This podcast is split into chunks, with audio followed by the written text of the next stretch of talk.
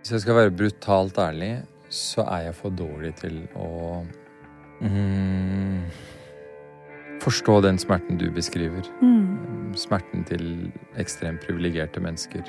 Eh, kanskje fordi jeg har den bakgrunnen jeg har. Mm. Eh, altså, vi vokste opp i verdens tryggeste land, men vi hadde nøden så tett på kroppen.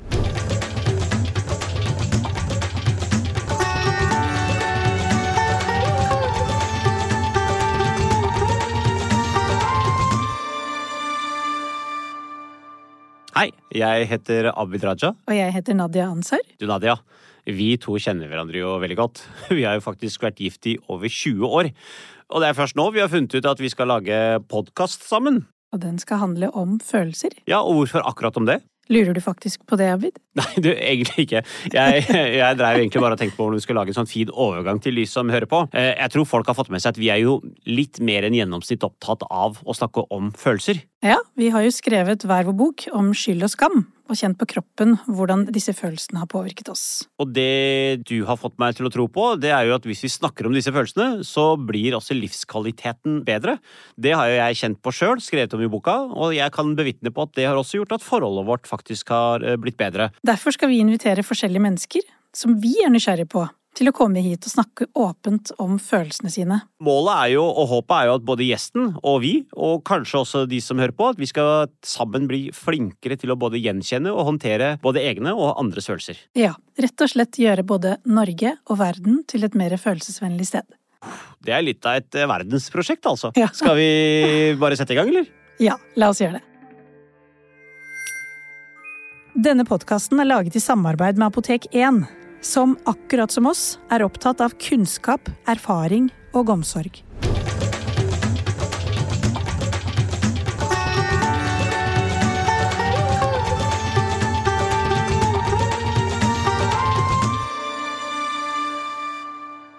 Hei, hei, Nadia.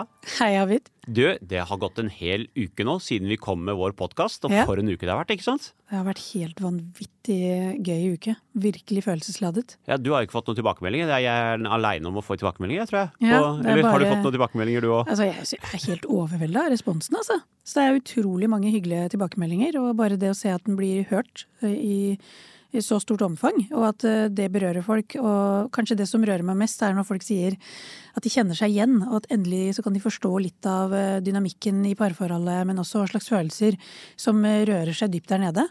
Så det er utrolig gøy, altså. Det som var kul, kult for meg, var på vei til TV-aksjonen for sånn ringedugnad for, til næringslivet. Da ble jeg stoppa midt på gata rett utenfor Bjørvika. Person som kom ut, så veldig sånn eh, bare, du, Å, dere er ute med podkasten! Så utrolig kult!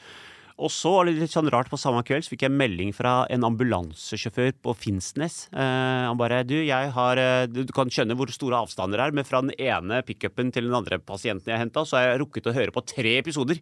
Det er Wow. lange avstander i Nord-Norge. Ja. Men det er sånn gøy fra på en måte hverdagsnordmannen midt i Oslo sentrum til på en måte ambulansesjåføren på Finnsnes. Da Ja. føler jeg at da har vi trukket, truffet hele landet, altså. Fy søren, det er stort, altså. Ja, det var eh, Tusen takk til alle lyttere for utrolig rørende tilbakemeldinger, og vi skal forsøke å leve opp til de forventningene som vi har skapt gjennom eh, starten. Men vi har jo også rukket å gjøre noe artig denne uka her, har vi ikke det? Det har vi. Vi har jo vært og sett på et Dukkehjem 2 med Pia Tjelta. Det er helt riktig. Men vi har jo, har jo alle lært om dukkehjem på skolen. Ja. Så fikk jo vi et uh, utrolig nært forhold til dukkehjem når uh, jeg jobba i India et år, og vi var jo der sammen. Og da fikk vi jo se dukkehjem den originale, altså satt opp på indisk i indisk virkelighet, hvor kvinner jo egentlig har det, uh, egentlig har det som Nora, og enda verre. Men så var det allikevel å se Dukkehjem 2, som vi aldri har sett før, og der var vi. Det var så sterkt, for da er det jo Nora som kommer hjem igjen. Eller hun blir jo ikke hjemme, jeg skal jo ikke røpe for mye, men hun kommer hjem igjen etter 15 år.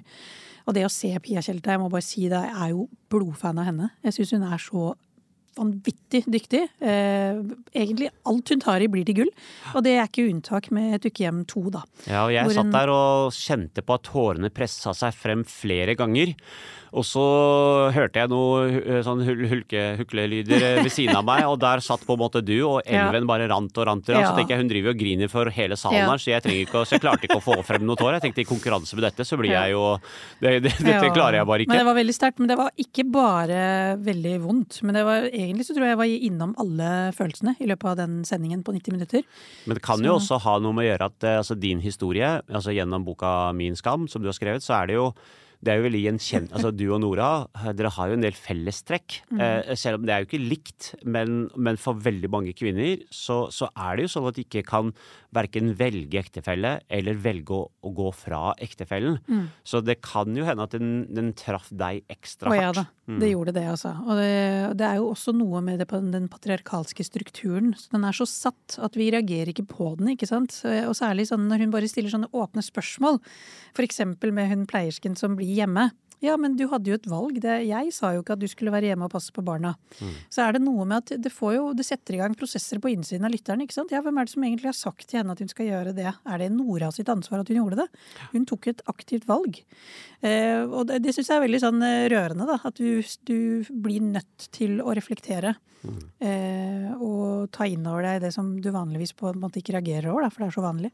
Ja, jeg føler vi satt der i det teatret, og det var jo episoder hvor de står og skriker til hverandre, Ja. og det er tårer og alt mulig, og så har jeg tenkt etterpå at du la kanskje ikke merke til det, men vi satt jo der og holdt litt sånn rundt hverandre. Mm. Eh, Jeg følte at det var litt sånn eh, Det var som vår historie, på en måte. på en annen måte. For Du det er er ikke, ikke det helt samme. Hjalmar. Nei, du og du er ikke helt Nora. Så det er, men det er allikevel gjenkjennelighetens kraft. Altså Mm. det, det var, vi satt der og var litt sånn skyld og skam eh, sammen med Pia og Mm. Dukkum 2. Så er dere i Oslo-regionen, folkens, så ja, det er Og det er en varm anbefaling. Den må dere se.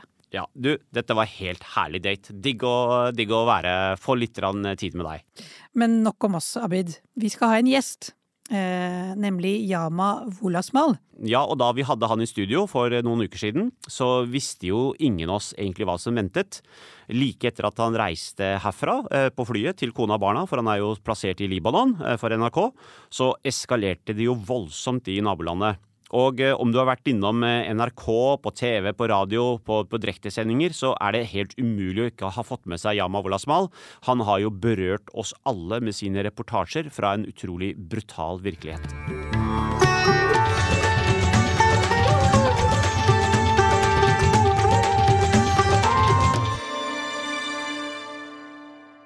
हाँ आज की पॉडकास्ट में हमको मिले हैं Yama Wolasmal Oi, sorry, det var jo helt feil språk.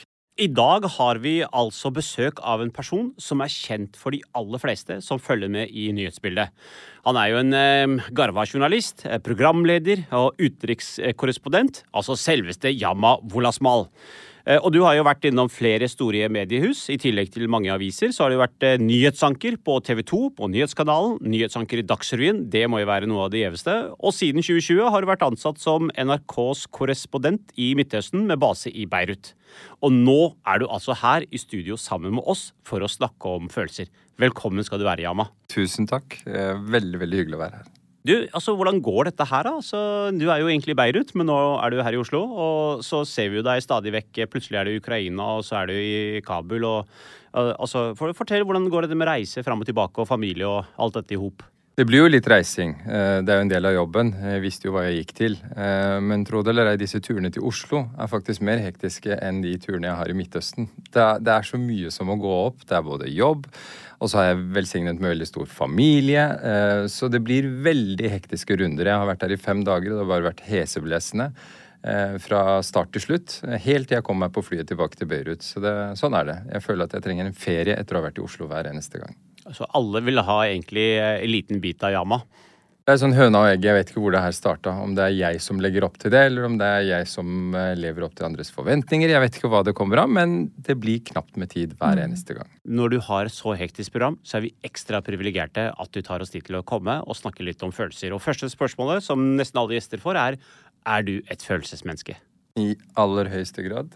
Eh, Jeg har eh, aldri hatt problemer med å snakke om eh, følelser. Eh, Kanskje snakke litt for mye om følelser til mann å være. Det er noe jeg har fått høre. Eh, Mann deg opp, har jeg fått høre av mine eldre brødre. Du er som en eh, kvinne. Du snakker altfor mye om følelser. Så det er det jeg har vokst opp med. Så jeg har ingen problemer med å prate om følelser. Kanskje fordi jeg har vokst opp med mange sterke kvinneskikkelser rundt meg. Eh, min mor først og fremst, og mine søstre som jeg er også veldig, veldig close med. Ville du beskrevet deg som en litt sånn sensitiv person? At du liksom er var for andres følelsesmessige reaksjoner, og at du på en måte fanger opp andres følelser eh, uten at det er verbalisert eller satt ord på? Ja. Eh, det også er jo noe jeg er veldig, veldig var på. Og jeg tror det har sammenheng med at jeg er en type som tar eh, litt mye hensyn til de rundt meg. Så jeg tolker og overtolker kanskje eh, ting jeg ser og oppfatter med de rundt meg, spesielt de jeg er glad i, de som er liksom min innerste krets. Kan sitte og overanalysere reaksjonene deres og tenke hm, var det noe jeg sa, Eh, var det noe jeg gjorde som gjorde at vedkommende reagerte sånn? Og så kan jeg gå rundt og gruble over det, og så snakker jeg kanskje med kona mi, Shara, og så sier nei, nå overdriver du. Tror ikke det. Jeg tror ikke de tenkte sånn. Du vet, Noen har den derre sansen at de kan komme inn i et rom, og så kan de bare fange opp at her er det litt sånn tykt i lufta, eller Mm, her er det mange følelser, på en måte. Du har på en måte en eller annen sånn varhet for å fange det opp. Absolutt. Og så får jeg sånn behov for å cut cut attention. Nettopp. Ok, nå må vi rense lufta Ja. her. Nå må vi prøve. Enten få vedkommende til å snakke, Ja. Mm. eller bytte tema fullstendig. Men å bare komme inn og late som ingenting har skjedd, det Det går ikke. Det går ikke. Sånn, så det er et eller annet med at det vekker et emosjonelt ubehag i deg. Ja, og da får du lyst til å gjøre noe, hører jeg. Jeg, jeg takler ikke stillhet. Nei. Sånn generelt. Si at jeg er i et selskap. Ja. Hvis folk ikke prater rundt meg, Ja. da får jeg helt sånn abstinenser. Ja. Noen må føre en samtale. Mm -hmm. Jeg har en kone som ofte forteller meg at du snakker altfor mye. Du må la andre slippe til. Og så har vi hatt et sånn eksperiment at jeg sier ok, neste selskap skal jeg virkelig holde tøyler på meg selv. Jeg skal virkelig passe på at jeg ikke snakker for mye. Så jeg girer ned. Mm. Og så ender det ganske ofte opp med at det blir litt sånn kjedelig. Pinlig. Det blir sånn pinlig stillhet stillhet, og folk må liksom Det må dras ting ut av folk. Og da er hun nesten sånn at hun slår liksom tar foten under bordet. Sånn, nå, kom igjen, nå kan du gire opp. Og da fyrer jeg løs, og så får jeg i gang samtalene. Så, så ja, jeg har prøvd det. Å være stille. Det funker veldig dårlig for meg.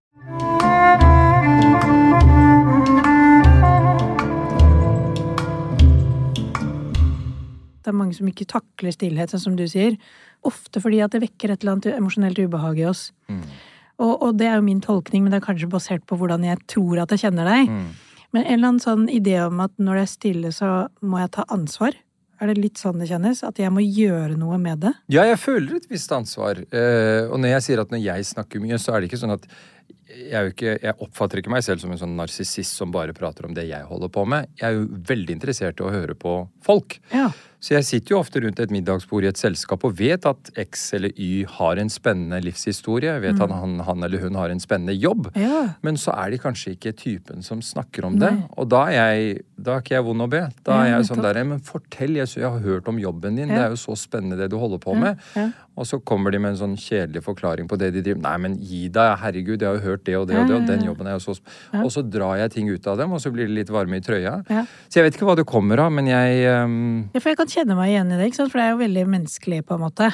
Sant? Og på en eller annen måte kjenne litt sånn ansvar og øh, og opplever jo ikke deg som noen narsissist overhodet, ikke sant? Sånn at du er jo opptatt av å på en måte dra fram andres historier og øh, få alle til å føle seg komfortable rundt deg. mm, mm. Hvordan er det du selv altså, hva, hva tror du du kommer av, på en måte, hvis du For jeg, for min del, altså, så vet jeg at jeg også tar jo mye ansvar, men for min del så vet jeg at det også handler om en sånn sårbarhet om at jeg er opptatt av å bli likt. Mm. Også fordi jeg er veldig selvkritisk. Mm. Jeg vet ikke om du kan kjenne deg igjen i det, eller? Vet du, Det er ikke noen følelser jeg har kjent på hvor jeg har sittet og tenkt at, ehm, at det kommer fra et usikkert sted. I mitt tilfelle så tror jeg det kommer fra at jeg vokste opp i en sånn ubersosial familie. Ja. Vi hadde mye folk som var innom uh, på besøk, eh, og jeg liksom vokste opp med foreldre som var veldig veldig sosiale. Knyttet bånd med Gud og hvermannsen. Plutselig hadde vi ukjente folk hjemme. Mamma ja, jeg møtte denne damen her på, i en grønnsaksbutikk. Inviterte hele slekta hennes. Og så sitter vi der med ti ukjente pakistanere hjemme hos oss.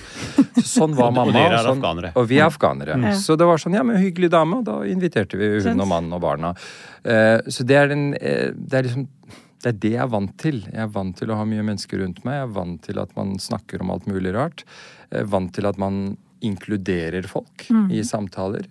Så jeg vet ikke egentlig hvor, hvor Ville det du kommer sagt fra. at det er en viktig verdi for deg?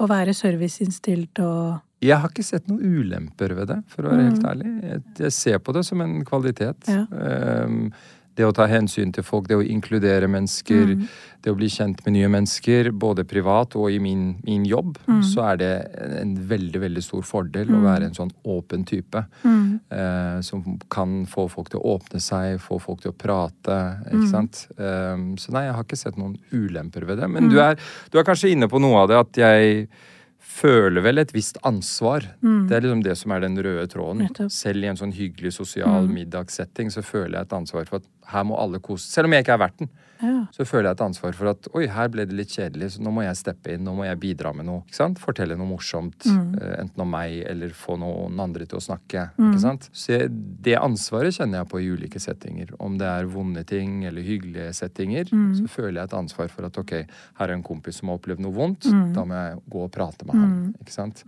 Jeg klarer ikke å være likegyldig til ting.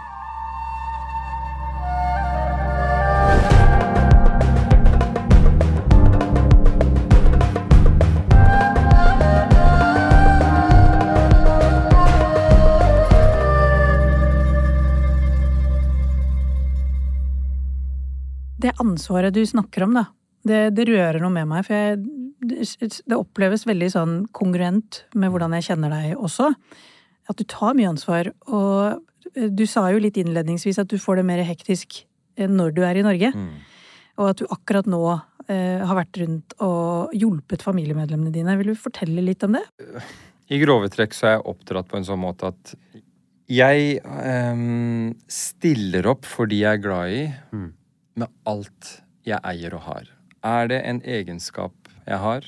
Er det midler jeg har? Er det en ferdighet eh, jeg besitter som noen kan ha nytte av?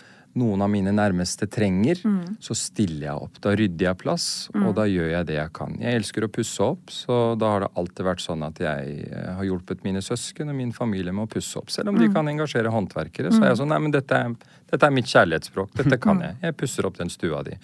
Moren min, da jeg, da jeg begynte å få øynene opp for oppussing, tolvårsalderen så på TV-shop og bestilte all slags malerpensler som ikke funka, selvfølgelig. Men det var da liksom eh, håndverkeren i meg ble vekket, så pleide moren min å love meg vekk i helgene. Så jeg kunne komme hjem fredag og tenkte endelig helg. Så sa mamma nei, du skal hjem til tante Ja. X og Y Ja, for for sal, fordi hun skal pusse opp stua si. Så du må dit hele helgen og neste helg også, for jeg Ja. lovet deg bort. Så sånn var det. Eh, Kunne vi stille opp med noe, så gjorde vi det. Ja, man stiller opp. Ja, det var liksom lagt opp til det, da. Og nå bare fortsette i det Så fortsetter det sånn. Så, så hvis jeg skulle liksom altså vi, vi, I fagspråket så kaller vi dette for talentoverslagsmodell. på en måte, At alle, alle som har et talent, eller en veldig styrke, Mm. den har også et bakside. Hva ville du selv sagt er på en måte ulempene, eller hvordan merker du i livet ditt, da? På en måte, for det er ingen som klarer det, ikke sant? Å stille opp for alle i alle retninger uten å føle seg totalt utilstrekkelig. Ja. Den veggen jeg møter hver eneste gang, eh, på nesten hver eneste tur jeg har til Norge, er jo at selv om jeg kjører meg selv i grø grøfta ikke sant? Jeg fyller opp dagene mine, prøver å stille opp for alt og alle. Løper i løpet av den perioden. Mm. Ja, ja, helt til jeg kjenner blodsmaken, og kroppen verker. Og jeg setter meg på flyet tilbake til Beirut, så er det fortsatt folk som er misfornøyd. Fordi Mm. jeg ikke har strukket til nok. Eller jeg har stilt opp for mye for den ene søsteren og ikke den andre. Ikke sant? Mm. Så hva kjenner er- du nå når du snakker om det akkurat Nei, nå? det er jo sånn, Jeg strekker aldri til. Eh, aldri bra nok, det jeg gjør. Selv om jeg på en måte Jeg har ikke noe mer å gi. Det hender at jeg hjelper folk literally. Siste jeg gjør før jeg drar til flyplassen, er å liksom et siste ærend. Jeg må bare få gjort det. Jeg skal levere dette til person X. Eh, Og så setter jeg meg i taxien og drar til flyplassen. Altså Jeg fyller opp dagene mine på den måten, og så strekker jeg ikke til likevel. Og det, det er ikke en god følelse. Så du sitter Fordi på en jeg er på felgen. Du, du sitter på flyet, og du har egentlig fylt 24 timer i døgnet med å fylle på for andre. Ja. Og så sitter du på flyet og har egentlig dårlig samvittighet for at du egentlig ikke har vært god nok. Ja. Hva Ja. heter den følelsen? Vet du det? Det, kan det være skam? ja! Det er jo det, ikke sant? At Ja. skammen, på en måte, når vi kjenner en sånn Ja. følelse av å være utilstrekkelig, ikke gode nok, Mm. at vi på en måte ikke klarer å ivareta relasjonene godt nok, at vi er rett og slett ikke, bryr oss ikke nok, Ja, ja, ja, er ikke omsorgsfulle nok, strekker oss ikke langt nok, på en måte. Mm. Det er en smertefull følelse å gå rundt Det er med. det. Det er det. Det er ingen god følelse. eh, og jeg vet ikke. Jeg øh, kjenner på følelsen, og så kommer øh, Ny en Ny, ja, en ny korsvei, og så Mm. gjør jeg det samme igjen. Det Sant. går i det samme sporet. Og det merket jeg jo allerede nå, sant? at mens du sitter her, så ringer telefonen din. Ja, Eh, det, Og jeg ser at det ser ut som noen familiemedlemmer, på en måte. Sant? jeg er midt i en flytting med Ja. lillesøsteren min, så det var flyttebyrå også. Altså bare det at du inviterer oss inn så nært, da. Det, det føles veldig ekte. Og, og jeg tror jeg kjenner meg igjen i veldig mye av den dynamikken som du beskriver, da. For det er jo også veldig menneskelig.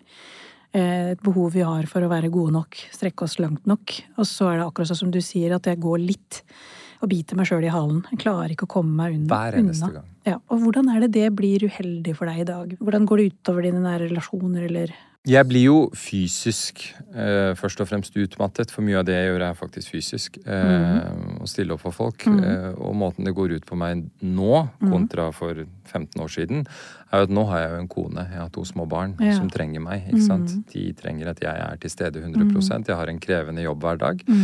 Um, og så fyller jeg liksom fritiden min med, med all slags ærend og, ja, og stille opp for folk. Så, så det, det merker jeg jo. ikke sant? Jeg går jo hjem tilbake til Beirut veldig redusert. ikke sant? Det skal jo ikke være sånn. Så de får jo alltid en, De får den den reduserte, utslitte versjonen av Yama. Og flytur det er jo ikke nok for å hente seg. Nei, nei, nei. Og nå skal det sies, jeg er god til å takle Motstand. motgang, motstand, og jeg er ikke sånn som kommer hjem og slenger meg på sofaen. Det, det har jeg aldri gjort. Mm. Nei. Mm. Uansett hvor tøff tur jeg har hatt på jobben eller privat. Du er Jentene in mine- service når du ja, kommer altså, hjem. jeg er in service. Om jeg er det for uh, mine nærmeste, så er jeg det selvfølgelig for Ja. min kone. Men det er servicen bak der, så ligger det en følelse av ansvar og en sånn pliktfølelse også. At Absolutt. Du, du, Ja, ja. Dette må du gjøre. For ja, det du er bare, å- jeg, sitter på, jeg sitter ofte i taxien på vei hjem til Beirut, da, fra Mm. flyplassen hjem til Beirut. Det er en kvarters eh, kjøretur. Og da liksom manner jeg meg opp, ikke sant. Mm. Tenker ok, nå må jeg bare hente frem den siste resten med krefter, for når døra går opp og eh, treåringen og fire, Ja. fireåringen min løper mot meg, så skal ikke de se på meg at jeg kommer helt Mm. Altså jeg har gått på tomgang, ikke sant. Så de indre kravene du stiller til deg selv, de er ganske så strenge. Veldig. De er sånn Eh. skyskraperne på Manhattan, de. Ja, det er faktisk et fint bilde. Eh, Men jeg skjønner ikke hvorfor jeg gjør det. Om og om og om og om igjen.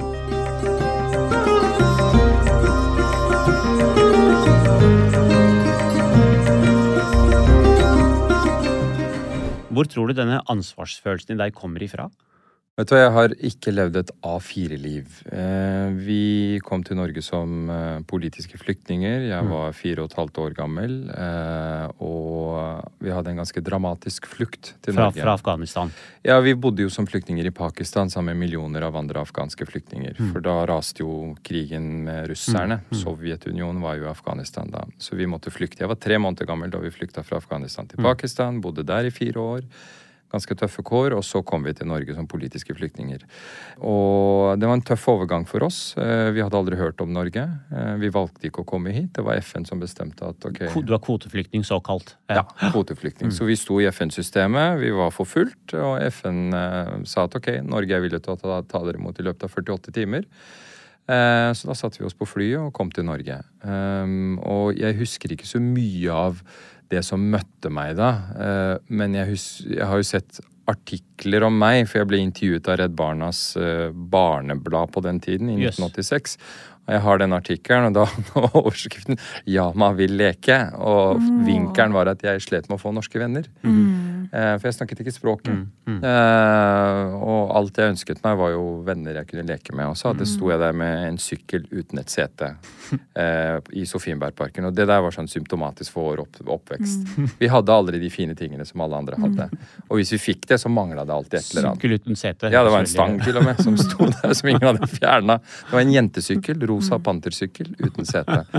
Så det var det jeg og broren min hadde, som vi skulle dele på. Så når du kommer da som, som, som fireåring, hvordan, hvordan var du som barn eh, i den oppvekstperioden? Vet du, Jeg har fått mye kjærlighet. Vi var en veldig stor familie. Vi var ti søsken, så søsknene fungerte av ganske stort aldersspenn mellom oss.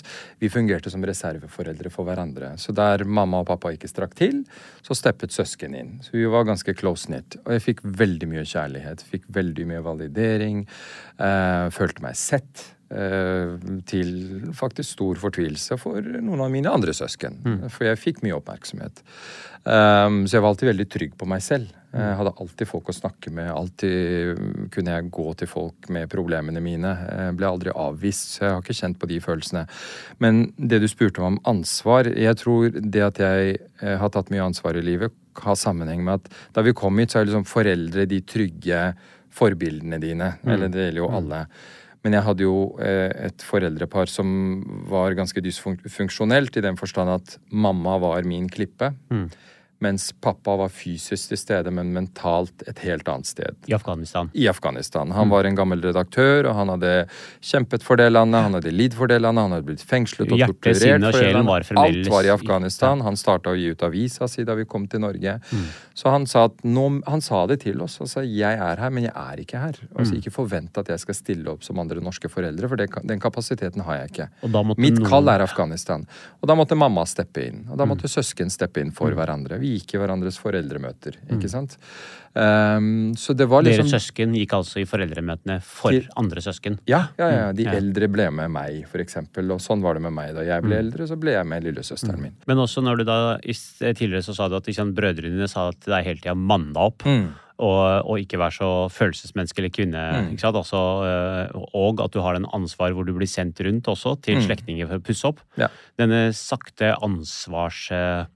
Ja, følelsen, da. Mm. Pliktfølelsen. Mm. Eh, Det er slik du føler at det kommer, eh, og blir en sånn internalisert del av deg?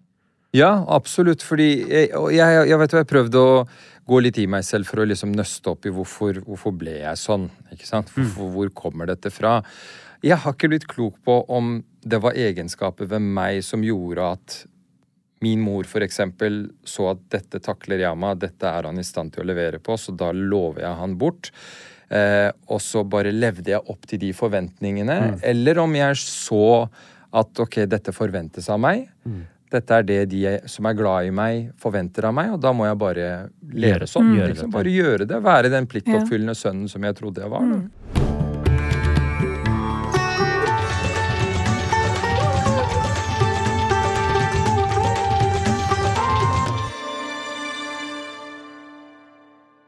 Jeg har litt lyst til å gå tilbake til den lille gutten som fireåring, eh, som sitter på en rosa sykkel uten sete. Jeg kunne ikke sitte på den. ja. Og som hvor tittelen er 'Yama vil leke'. Og så jeg blir veldig rørt av det bildet. Det gir jo også et sånt sterkt bilde av en utenforskap som kanskje du allerede som barn fanget opp.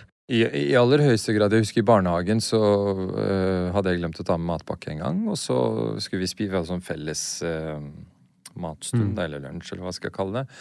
Um, og dette er året etter at vi kom til Norge. Uh, gikk på en barnehage borte i Romsås. Um, og da husker jeg at læreren bare dro frem uh, leverpostei. Jeg visste jo ikke hva det var. Uh, Og hun bare, hun visste jo at jeg var muslim. Og så var hun sånn Ja, i Norge spiser vi dette. Ja. Som om hun visste Jeg skjønte jo ingenting. Jeg skjønte jo i ettertid, for jeg husket jo tuben. Ja. Eh, skjønte jo flere år etterpå at å ja, så jeg har spist masse svin, jeg. ja. Det visste jeg ikke, men da men, Ja, skjønner du? Men, men, ikke sant? Så, så, men jeg gikk ikke rundt og følte på den utenforskapen, uh, på en måte. Men, og jeg vet ikke hvorfor. Var det det at jeg hadde en, en trygg base hjemme? Jeg hadde en slags selvtillit. Jeg visste jo at jeg var veldig forskjellig fra de rundt meg, på alle måter. Jeg hadde ikke det livet de hadde, jeg hadde ikke den velstanden de hadde. Vi levde veldig nøkternt. Det var trange kår, som i veldig mange innvandrerfamilier, men spesielt hos oss, for vi, levde på sosialen. Så vi hadde jo enda mindre enn våre pakistanske naboer, Ja. hvor far gjerne jobbet som drosjesjåfør eller eh, Det var litt trikken. færre søsken også, kanskje? Færre søsken. For Vi dere er hadde ganske litt- mange. Vi er mange. Vi var ti. Er dere ti søsken? Ti søsken. Så vi er fire. Er liksom, jeg og mine tre søstre Mm. er liksom fra min mor, og så er jeg seks halvsøsken.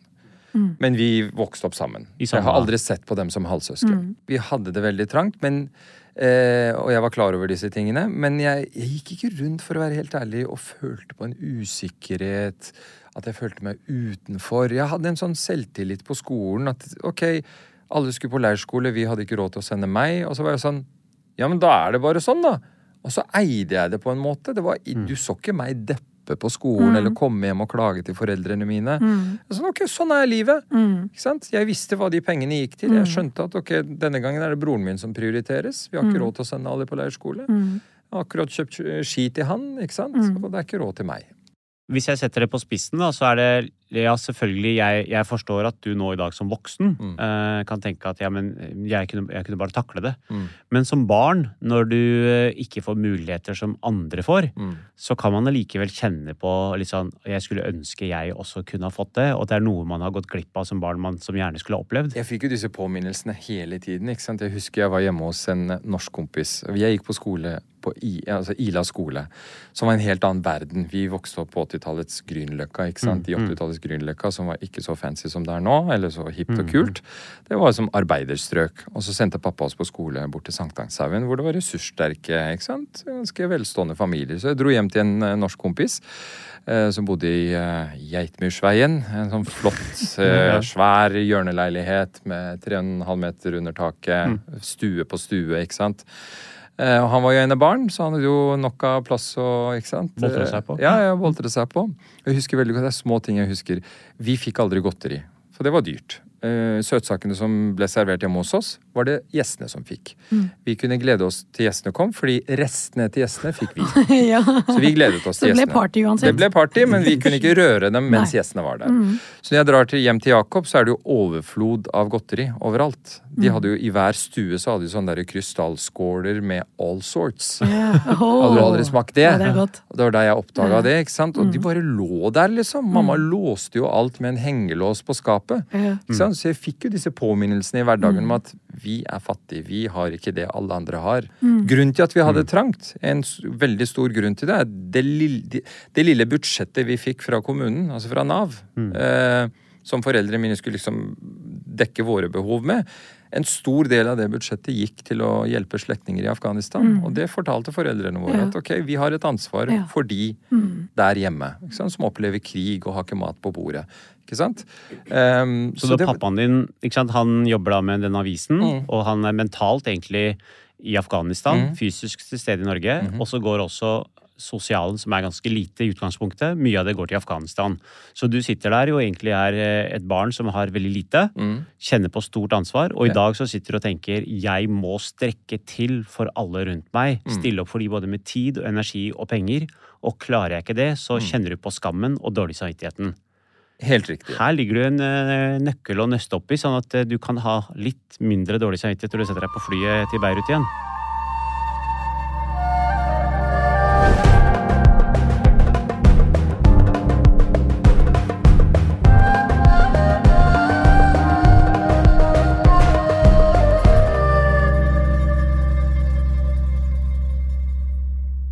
Veldig fascinerende å høre på deg, Yama. Mm. Du, det, det, altså det der med å vokse opp med så trange kår, hvor du selvfølgelig skal dele det du har, for du, det er ti søsken, Mm. og det er en mamma som har hovedansvaret, og en pappa som egentlig har meldt pass, Mm. er fysisk til stede, men emosjonelt veldig fraværende. Det er ikke så rart at du har det nesten sånn at det ligger i blodet, nærmest, å dele og Mm. hjelpe.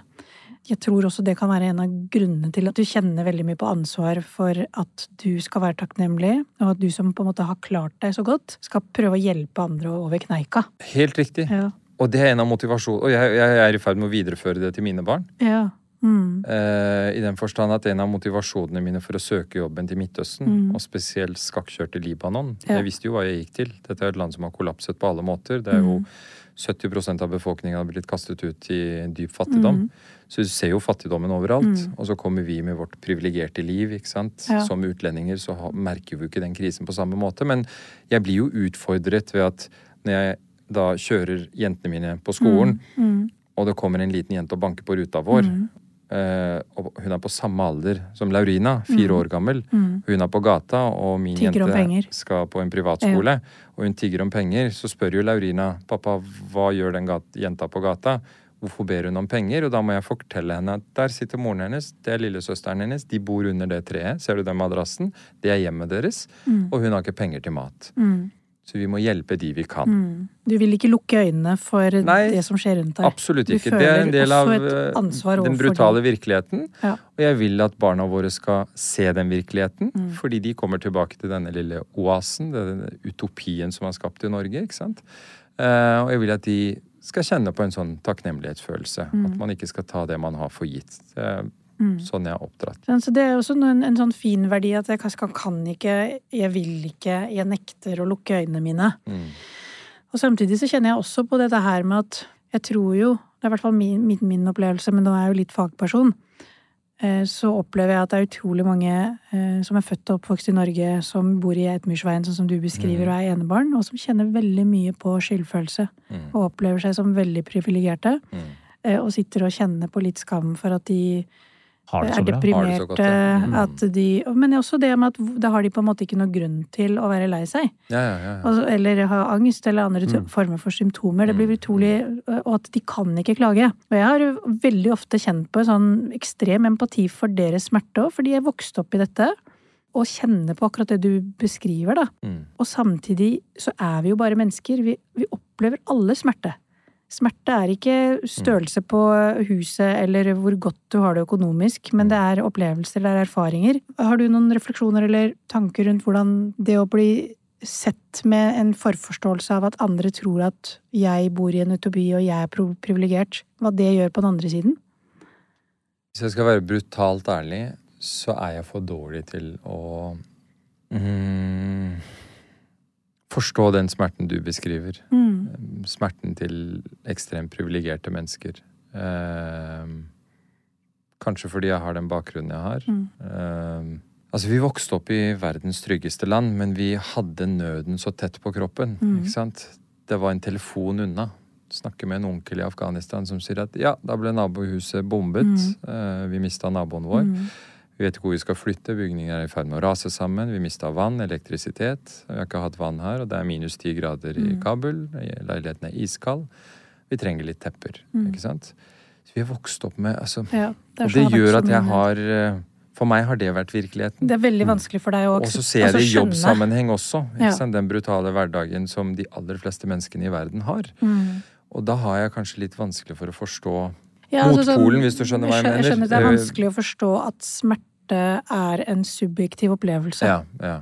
For deg er det noe objektivt. Mm, Det er mm. mål på huset, det er størrelsen på pengeseddelen, Mm, mm. det er eh, utdanningen, det er Jeg er veldig, veldig dårlig, hvis jeg skal være ærlig med dere, på å se mm, emosjonell smerte. Mm. For å si det sånn, da. Hvis du brekker beinet, så får du veldig mye empati fra meg. Jeg ser at du sliter, du har smerter, du har brukket beinet. Eh, da stiller jeg opp, da kommer jeg på sykehuset. Mm. Da kan jeg til og med bake en kake for deg. Eh, men hvis du sliter psykisk, mm, så har jeg vanskeligheter med å Ja. forstå Nettopp. Men det syns jeg er utrolig Nå fikk jeg litt sånn frysninger, fordi det, det er igjen ikke sant, dette med at det oppleves Ja, det er akkurat sånn jeg opplever det òg, for det er utrolig vanskelig hvis man har veldig sterke indre krav til seg selv. Mm. Så bruker man jo dessverre den samme malen i møte med andre mennesker, ikke sant? Da forventer man at er du deprimert, så skjerper du deg og tar deg sammen. Ja, for han har jo hørt fra han har vært barn. Mandag opp. Altså hvis du er eh, Ikke sant? Mandag opp, skjerp deg, ta Jeg deg kom hjem en dag og klagde over at et par av gutta på skolen Mm. plagde meg og mobbet meg og dyttet meg i storefri. Og kom hjem og klagde til pappa, så hørte storebroren min det. Og var sånn Dytt dem tilbake, da. Hva er det liksom Kommer du klage over det? Du er en mann, liksom. Mm. Sitte og sutre over det. Mm. Og det var siste gang jeg klagde over noe som Mm. helst fra skolen. Og så høres det ut som om Mm. du på en måte skjønner at det er ikke helt ideelt. Jeg ser jo det når jeg Altså, når jeg har fått barn, Ja. så får man jo Emosjonelt behov for å trøste barn, selv om altså, riktig. eh, alle norske barn, ikke alle, men de aller fleste som bor her i Mm. denne ikke sant? delen, eh, har det jo økonomisk sett greit. Men det er ikke sikkert at det kjennes så greit for barn på innsiden hver eneste dag allikevel. Ikke sant. De kan jo gråte over, kan være triste over eh, ingenting. Ja, ja, ja, De er bare triste i dag. Og, det, og man kan fort tenke sånn, sånn som vi ble fortalt når vi var barn, da. Mm. Skjerp Du har deg, ta deg du sammen. har, du har, du har søren ingenting å være lei deg for. Bare du er lei deg for. Ja, Se på slektningene dine i Pakistan og Ja, Afghanistan, de driver og dauer av sult. Og her, her sitter du, ikke sant? Ikke sant? ja, ja. Men, og da når du får barn sjøl, så Ja. ser du at ja, men ungene mine har det så bra, Mm. sånn økonomisk, men Mm. ligger der og er eh, trist og lei seg og skal ha den eh, hva, hva gjør det med deg som voksen person nå? Og så, og så helt ærlig så føler jeg at jeg er jo troende også. Så jeg føler jo liksom at eh, Gud har utfordra meg ekstra ved å gi meg to veldig følsomme jenter. I hvert fall hun ene. Eldstemann. For du har to døtre. Gud, jeg har to ja. døtre. Hun ene tar du med i krigen, som vi pleier å si. Ja. Det er yngstemann. ja. Og eldstemann, verdens søteste jente. Men fy søren så følsom hun er. Altså, hun sitter Hun er ja. Følelsene hennes er utapå. Og gjett om de er. Altså, hun tar alt du, til da blir du litt sånn, for dette er ikke du Da blir jeg utfordret. Ja, For du er ikke trent opp i dette, er Nei, nei, er du gal? Jeg, Du skal jo det er si minefelt for meg. Jeg sitter Ja. og bare Å, gud, nå må ikke jeg si noe galt. Nå må ikke jeg, nå må ikke jeg si sånn Men for du kan ikke si mandag opp til henne. Nei, er du gal? Det går ikke. Nei, nei, det går ikke. Så jeg må sitte der og prøve å liksom ja, validere følelsene hennes. Jeg har virkelig gått en Mm. tøff skole de siste to-tre årene. Er det sånn at du skjønner at det har en verdi å gjøre det? Å Jeg har begynt begynt å skjønne det. Ja. Før gjorde jeg det fordi jeg følte at det var det som var forventet. Jeg har jo jeg har jo lest en del om dette og skjønt etter hvert at det, dette er veldig veldig viktig. Eh, selv om jeg ikke har noe erfaring med det. Eh, men med mine egne barn så har jeg skjønt at eh, her må jeg ta meg sammen. Ja. Uh, før så så jeg ikke verdien av det. Det var bare sånn pliktfølelse. Ok, ja, det er sånn man håndterer barn. Jeg må bare lære meg det. Nå ser jeg hvordan datteren min, når jeg ser henne, bare det at jeg går på kne Før kunne jeg stå oppreist og si 'hva er det med deg', hvorfor griner du, liksom? Ja. Du har jo akkurat spist. Ja. Og nå liksom med årene så har jeg lært meg liksom gå ned på kne i øyehøyde, ikke sant. Mm. Du har det vondt nå, ikke sant? Ja, ikke sant? Og så kan jeg få henne til å prate om det hun opplever. Og øh, føler jo at det gir meg en sinnssyk mestringsfølelse. Ja.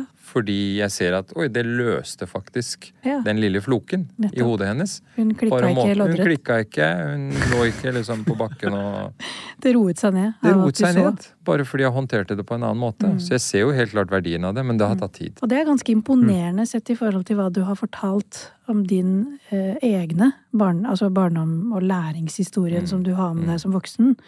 Så er det utrolig godt jobba å klare å gi noe annet. Og se verdien i det i møte med dine barn.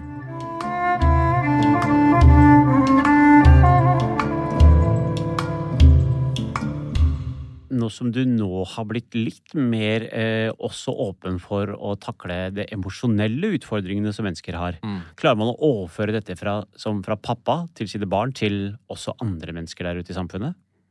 Jeg vil ikke si at jeg er helt der ennå. Nei, det er jo ingen, kanskje. Ja, nei, jeg er virkelig liksom i startgropa. Mm. I, inn Jeg ville jo heller sagt noe annet, da. Jeg ville Jeg- sagt det beste er å starte med seg sjøl. Med seg selv, ja. ja. Det er også det vanskeligste. Hvordan gjør man det? Vi er jo alltid strengest med oss selv, ikke sant? For de kravene vi stiller til oss selv, Mm. vi stiller jo egentlig ikke like strenge krav til noen, på en måte. Og, og, og nå den skjønner jeg, for Når han inni seg sier til seg sjøl 'nå må du skjerpe deg, Jabba', 'nå må du ta deg sammen og manne deg opp', Mm. så har du jo egentlig ikke empati med deg selv. Så Ja. hvis du klarer å ha empati med deg selv, så kommer du kanskje også til å klare å se at men alle andre trenger jo heller ikke å skjerpe seg. Kanskje de bare Kanskje det rett og slett er bare for mye for de. Ja, jeg eh, Jeg har kanskje ikke så mye empati med meg selv. Eh, og dette har ikke jeg reflektert over, Mm. men jeg tror det er min måte å Jeg tror du har en veldig sterk indre selvpisk. Å, ja, ja, ja. ja, ja. Absolutt. Og den er ikke særlig empatisk. Jeg tror den er ganske Nei, nei, nei, nei. Det er ikke snakk om å legge seg i senga i fosterstilling. Nei, har det Og vondt. synes synd på deg selv, Nei, nei, nei, nei, nei, nei. Fordi Det gjør ikke Yama. Nei, det gjør jeg ikke. Uh, og jeg vet ikke, så langt har det gått bra, føler jeg. Inni deg er det sånn type lokomotiv som bare går og går og går. Du, Ja, ja, skal, liksom, ja. du skal ikke stoppe opp og føle eh, eh, altså, synd på deg sjøl eller 'nå har jeg for mye å gjøre'. Mm. Hvorfor skal jeg tynges av ansvar både som sønn Mm. og som bror og som ektefelle og som venn? Altså, alle stiller disse kravene til meg. Jeg bærer alt det ansvaret. Mm. Men istedenfor å tenke «Ja, jeg trenger ikke å bære alt det ansvaret, så er sånn, kom igjen, deg opp, skjerp deg og still opp for alle. Den følelsen har jeg gå. utallige ganger kjent på. Da sier psykologen at selv maratonløpere Mm. trenger pauser for å prestere godt. Det er ingen som klarer å løpe i det uendelige. For det som skjer da, er at før eller siden så går man på et smell, og da blir Ja. man deprimert. Eller man får andre symptomer, ikke sant. Det har jeg jo sett nok av. Ja. Så det er jo også noe med på en måte at jeg hører at, at du sier noe om at jeg har alltid vært sånn. Og jeg skjønner at det ikke er heldig, Mm. men det er utrolig vanskelig på å endre på et mønster som jeg har er opparbeida meg. det. Pluss at jeg ser verdien av det også. Mm.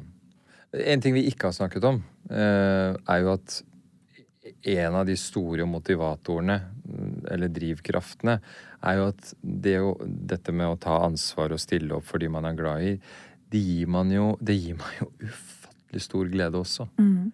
Det er jo den beste følelsen, Mm. selv om det er slitsomt og selv, Nå skal jeg si noe veldig slemt. Vet du hva det, er- det er litt Det er liksom Det får man også når man eh, doper seg eller tar rus. Man får en deilig, deilig Mm, effekt mm. av det òg. ja, Det blir som en rus, ikke sant? Vi blir avhengig av positive tilbakemeldinger Mm. eller å på en måte skjønt. Så, Greia her er at Mm. jeg sitter her som observerer. Dere to er jo ganske like, vet du. For dere, dere begge eh, eh, eh, altså blir på en måte sånn fyrt opp av, eller altså Ja. næres av Ja, ja. å få disse positive tilbakemeldingene. Mm. Dere, dere er mye likere enn på, på innsiden. Har du fått høre at du er people pleaser? Å ja da. Ja, ja. Oh, ja da. Særlig Det- Abid. Mm. Beskriv det, vent litt. Altså, du sa people pleasers. For eh, det er ikke alle som kanskje skjønner det. Hva legger Ja. du i det? Nei, At man hele tiden At det er sånn jag. Eh, Alle skal synes at du er så flink, Ja. at du presterer, at Ja. du leverer på alle fronter. Tilfredsstiller folk. Tilfredsstiller folk, rett og slett. For andre til at å føle du- seg bra. Noen, Ja, noen har sånn merkelapp på deg at du er eh, people pleaser. At du skal Ja, ja, ja, tilfredsstille. Det, Det er det er vi to om, eh, Mm. Yama. Mm. Sant? Så jeg, jeg kan jo kjenne meg igjen i Det er veldig mye, mange av de samme temaene jeg selv har Mm. jobbet med Mm. lenge, så i voksen alder. Så, så det er veldig gjenkjennbart. Eh, og derfor så smerter det meg jo litt òg, ikke sant? Fordi at vi kjenner jo på en måte hverandres opplevelser, og, og jeg kjenner igjen når du prater det jaget Mm.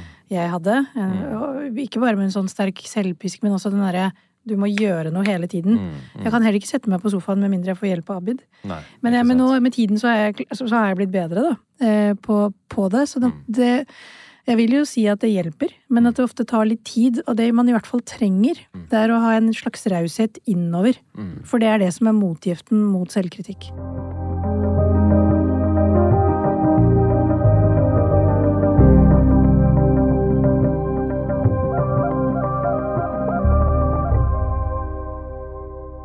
Jeg bare lurte på én ting, Yama, og det er når du har med deg den oppveksten og den ansvarsfølelsen, og så reiser du rundt i naturkatastrofer, i krig og konflikt, og ser kvinner, menn, gamle, barn, andre såret i vanskelig situasjon. Hvordan takler du det følelsesmessig? Det går veldig hardt inn på meg. Eh, Det er til tider Til tider har jeg møtt sterk, så sterke skjebner at jeg i en intervjusituasjon hvor jeg eh, egentlig skal være tvers igjennom proff og ikke la meg prege av det jeg ser, så klarer ikke jeg er et følelsesmenneske. Jeg blir preget av det jeg ser, jeg blir preget av det jeg hører. Når jeg hører en familiefar som akkurat hadde mistet barna sine i, i en eller annen bombing i et eller annet land som jeg har eh, dekket, Eh, Så ser jeg mine egne barn. Jeg ser for meg barna mine. Det preger meg. Jeg har opplevd at jeg må avbryte et intervju fordi jeg ikke klarer å holde tårene tilbake.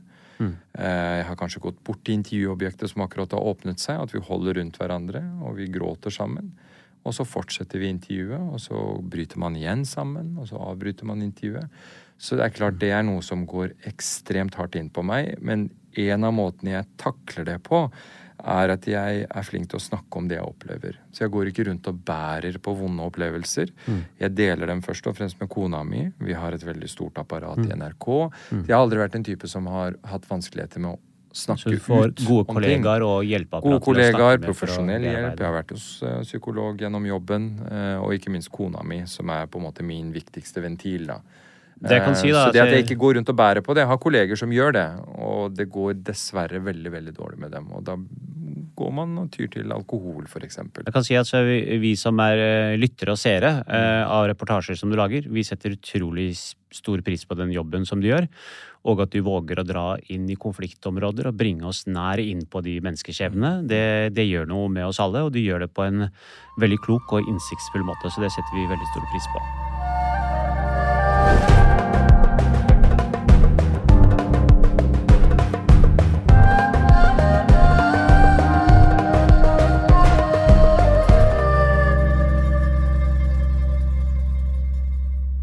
Før vi setter deg på flyet igjen, Mm. så har vi eh, en kortstokk foran deg med flere kort. Hvor eh, vi vil at du skal trekke et av de. Eh, og så er det et spørsmål som vi vil at du skal svare på så spontant som du klarer. Ok. Hva blir du flau av? Avvisning. Ok, hvordan da? Jeg har vært hele livet mitt veldig dårlig på å sjekke opp folk, f.eks. En av grunnene til at jeg ikke klarer å gå opp til en dame på et utested, Ja. eh, var frykten for å bli avvist. Mhm. Eh, andre menn takler det mye bedre enn meg. Mm. Jeg, og det gjorde at jeg aldri turte å gjøre det. Mm. Og da kunne jeg liksom virkelig gå i kjelleren Mm. hvis jeg følte at oi, nå likte ikke hun det jeg sa. Mm. Og da kunne jeg liksom Nå skapte jeg en dårlig stemning her. Mm. Og dette er jo kjernen av det vi har vært innom òg, Ja. ikke sant? At det er jo Ikke god nok. Ikke god nok. Ja, helt riktig. Når, hvis den Mm. andre sier det, så er det det som blir sannheten på innsiden. Så jeg har på en måte ikke en egen stemme som kan si ja, men jeg er god nok, jeg, Mm. fordi jeg ser meg selv i speilet og syns jeg er kjekk nok. Ja. Har hun sagt det, så er det lov. Men vet du hva som er trøsten her, Yama? Mm. Du slipper å gå opp til en dame på utestedet nå, for nå har du en dame i Beirut, og hun venter på deg. Og nå gjelder det å sette seg på flyet, manne seg opp, samle de siste kreftene, for de kommer kommer til å være der. for å ta Nei, deg imot. du skal Nei, nei, bare- ikke manne opp. Nei, det er bare chilla. Du, Yama, tusen, tusen takk for eh, at du tok deg tiden i den vanskelige eh, altså, kalenderen du har, til å komme til oss. Og vi kommer til å eh, følge med på reportasjene dine med, med, med stor glede. Tusen takk for at du kom til oss. Tusen takk, Emma. Tusen takk.